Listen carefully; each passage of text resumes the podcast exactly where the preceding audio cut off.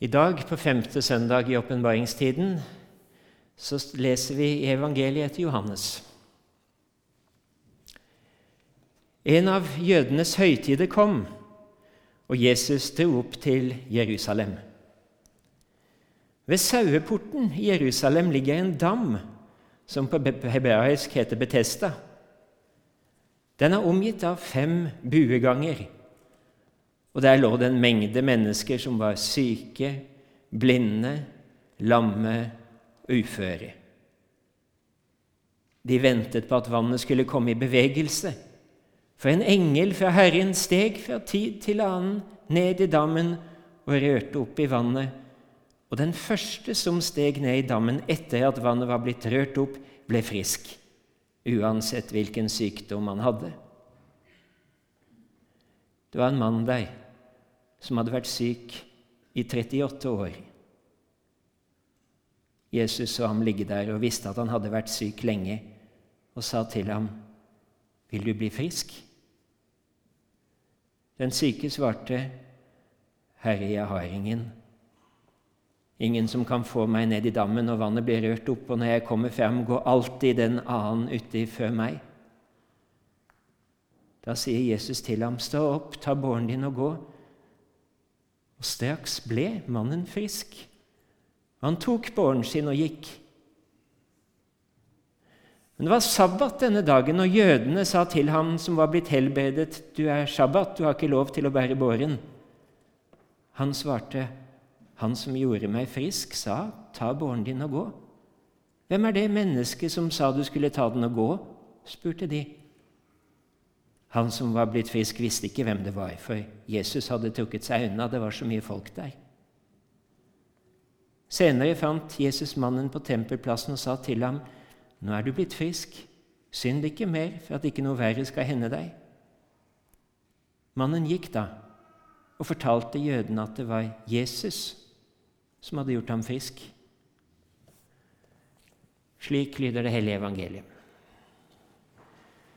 Hellige Far, hellig oss i sannhet, ditt ord er sannhet.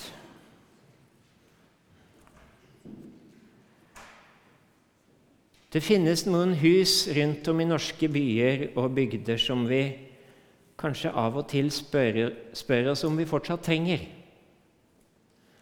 Jeg tenker f.eks. på låvene du vet disse store rødmalte låvene som en gang var full av, av korn og høy og, og ku og melk og, og alt du trengte for matauk, for landbruk. Nå står de der, disse lovene, som katedraler i enga, eh, men i praksis som store vedskjul og, og garasjer. Så hva gjør vi med den type hus? Vi, vi, trenger jo fortsatt mat, men den type lover, hva gjør vi med de?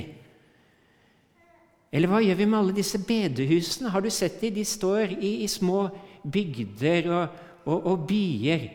Eh, bare på Fettsund så var det tre bedehus. Vi bor på Fettsund. I sentrum. Nå er det ett det fortsatt er liv i. Noen ville kanskje sagt at det er som med lovene. Trenger vi fortsatt bedehusene? Ja, kanskje gjør vi det. For sjelen trenger vel fortsatt føde, akkurat som fortsatt kroppen trenger mat. Jeg vet ikke om du har et bedehus du har vanka i noen gang i din barndom eller oppvekst eller gått forbi. De hadde gjerne spesielle navn. Sion, eh, Betania eller Betesta. Vi hørte om Betesta nå nettopp. Og Betesta skal vi høre mer om, fordi for det første, vet du hva Betesta betyr? Det betyr altså barmhjertighetens hus. Det betyr nådens hus. Og det er ikke spørsmål om vi har bruk for bedehus, men om vi har bruk for nådens hus, om vi har bruk for barmhjertighet. Det kan det tenkes at vi har. Det kan det tenkes at noen av oss trenger. Vi bodde jo noen år i England, og der er det ofte sånn at folk setter navn på husene sine. Kanskje Primrose Cottage eller Oak Hill eh, Road. Jeg vet ikke hvilken adresse du har. Vi bor i Jarnveien 36. Det er litt sånn prosaisk. Kanskje du bor i Volgata 2 leilighet 27. Det er noe annet med Sunrose Hill. Men hvis du skulle gitt huset ditt et navn, og det navnet skulle være bærer av noe som er viktig i vårt hjem, i ditt hjem, noen kvaliteter sånn 'Dette har jeg lyst til at vi skal være'. Jeg sier ikke at du skal gå hjem og spikre opp Betesta over døra di, men at, at hjemmet ditt eller hjemmene våre er barmhjertige hus nådefulle rus der vi på en måte gir hverandre nye sjanser. Det er jo ikke det verste. Kanskje du på ditt hjertes dørstolpe kan spikre Betesta og legge inn i det navnet barmhjertighetens hus, omsorgens hus. For vi trenger barmhjertighet, og det trenger menneskene rundt oss og de vi deler hus med. Det er litt interessant. Luther, når han skal forklare budene, så sier han ikke bare at du skal ikke slå i hjel. Nei, han sier du skal aktivt arbeide for din nestes vel. Eller han sier du skal ikke bare ikke bryte ekteskapet, du skal elske og ære.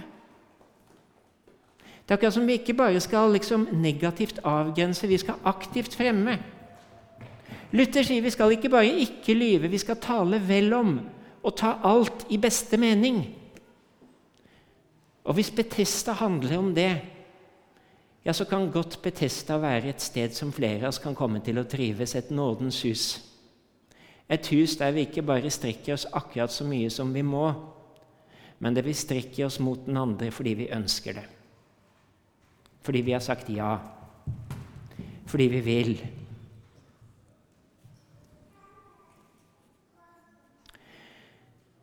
Dere som i dag har båret barn til dåpen i dag, dere sier jo ja til at dere skal oppdra.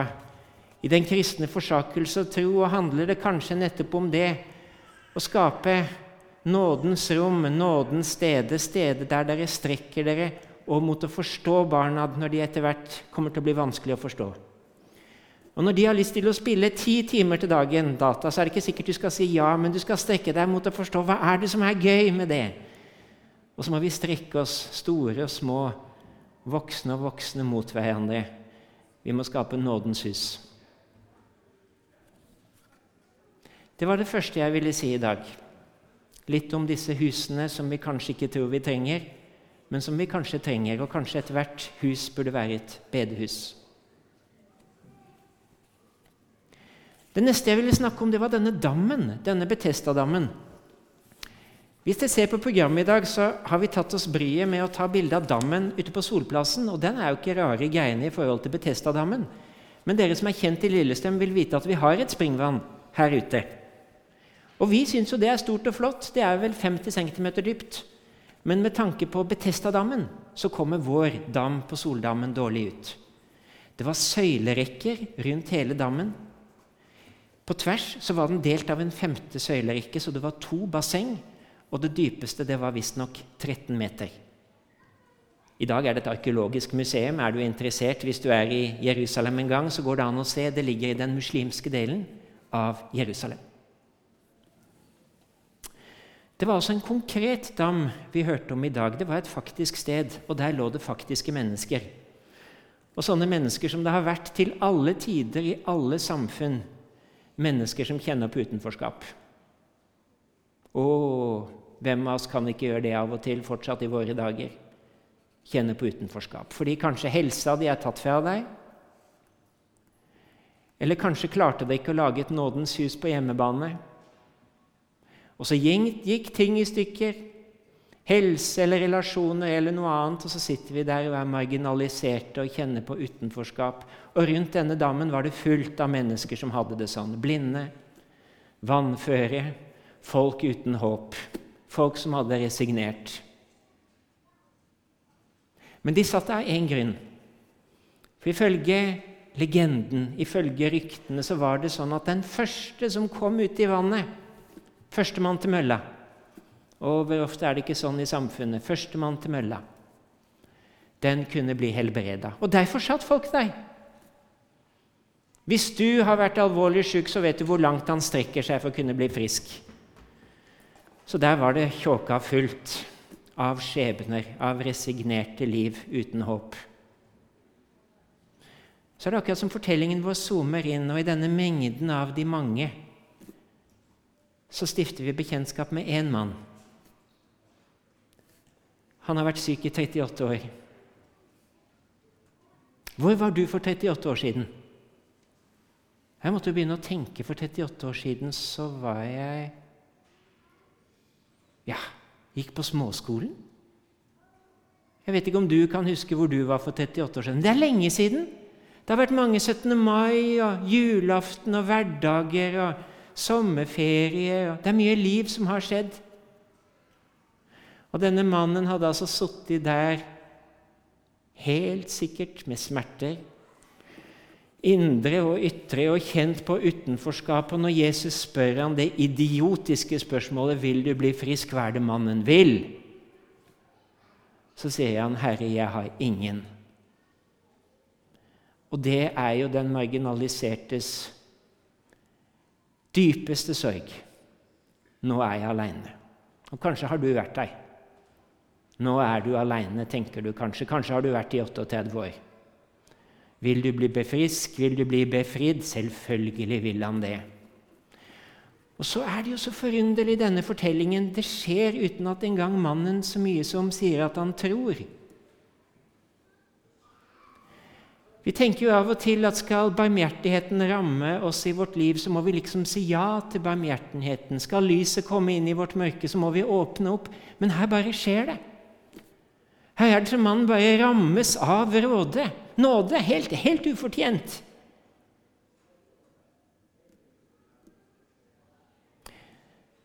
Det aldeles forferdelige i denne fortellingen det er at det er han som blir et oppreist menneske. For det er jo helt opplagt at Jesus vil oppreiste mennesker. Akkurat som er det noe vi håper for våre barn. Det er at de skal bli oppreiste mennesker. Jesus reiser denne mannen opp. Han tar båra opp. Det står fem ganger, så det er tydeligvis viktig. Fem ganger så står det at han tar båra opp og går. Og så skjer det på en sabbat. Og så var skikken at det var en del ting du ikke skulle gjøre på sabbater. Og av og til så er det sånn at skikker binder, men Jesus setter fri. Jesus vil oppreiste mennesker.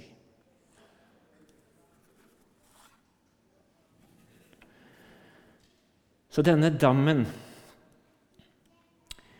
som altså heter Betestadammen, og vi har altså hørt at det er barmhjertighetens hus Her rammer denne barmhjertigheten denne mannen som i de 38 år har venta resignert.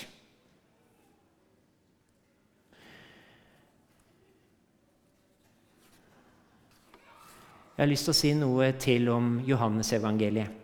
For det var det vi hørte i dag. Vi har jo fire evangelier, og Johannes skiller seg litt ut. Og Når Johannes forteller om Jesus, så er det som at hver gang han forteller om et under, og han gjør det sju ganger, Tallet sju går mye igjen hos Johannes. Og Dette underet som vi hørte om nå, det er nummer tre. Det første det var faktisk vinunderet i Kanaan med all denne vinen. Det andre det var en helbredelse. Det tredje var en ny helbredelse. Så metter han sultne. Han går på vannet. Han reiser Lasarus opp igjen. Det er sju tegn. Og disse tegnene de har ett mål. Det er akkurat som Johannes vil si at dette er tegn på at Jesus er den som viser oss Guds ansikt. Han er Messias. Sju ganger sier Johannes 'Jeg er'. Han lar Jesus si 'Jeg er livets brød', 'Jeg er porten', 'Jeg er den gode gjeter', 'Jeg er verdens lys'. Vi har tent masse lys i dag. Og så sitter jo vi her og vet at om vi nå blir helbreda For nådens hus i Norge finnes mange steder. Nådens hus finnes på Ahus. Der helbredes folk. Der får folk i dag hjelp til å ta båra si og gå. Den finnes på psykiatriske institusjoner der folk får hjelp til å bli satt fri og gå ut og skape seg en hverdag og håp. Det er nådens hus som finnes på de forunderligste steder. Men vi vet jo at en dag så ble denne mannen vi hørte om, han ble sjuk igjen. Og vi vet jo at han som hadde vært frisk syk i 38 år, men reiste seg opp En dag så var det slutt også for han. Og en dag så er det også slutt for oss på vår reise. Vi skal ikke snakke billig om under, men i dag skal vi snakke tydelig om tegnet. Og det er tegnet som Johannes vil at vi skal ha tillit til. Det at Jesus har beseira òg den ytterste fiende. Og vi sang i dåpssalmen nå akkurat Over tidens grense. Dit skal vi en gang. Over tidens grense lever fortsatt dine løftes ord ved døpefonten. Dåpens lys forblir når livet slukner. Dåpens lys forblir når livet slukner. Ære være Faderen og Sønnen og Den hellige ånd, som var og er og være skal, en sann Gud fra evighet og til evighet. Amen.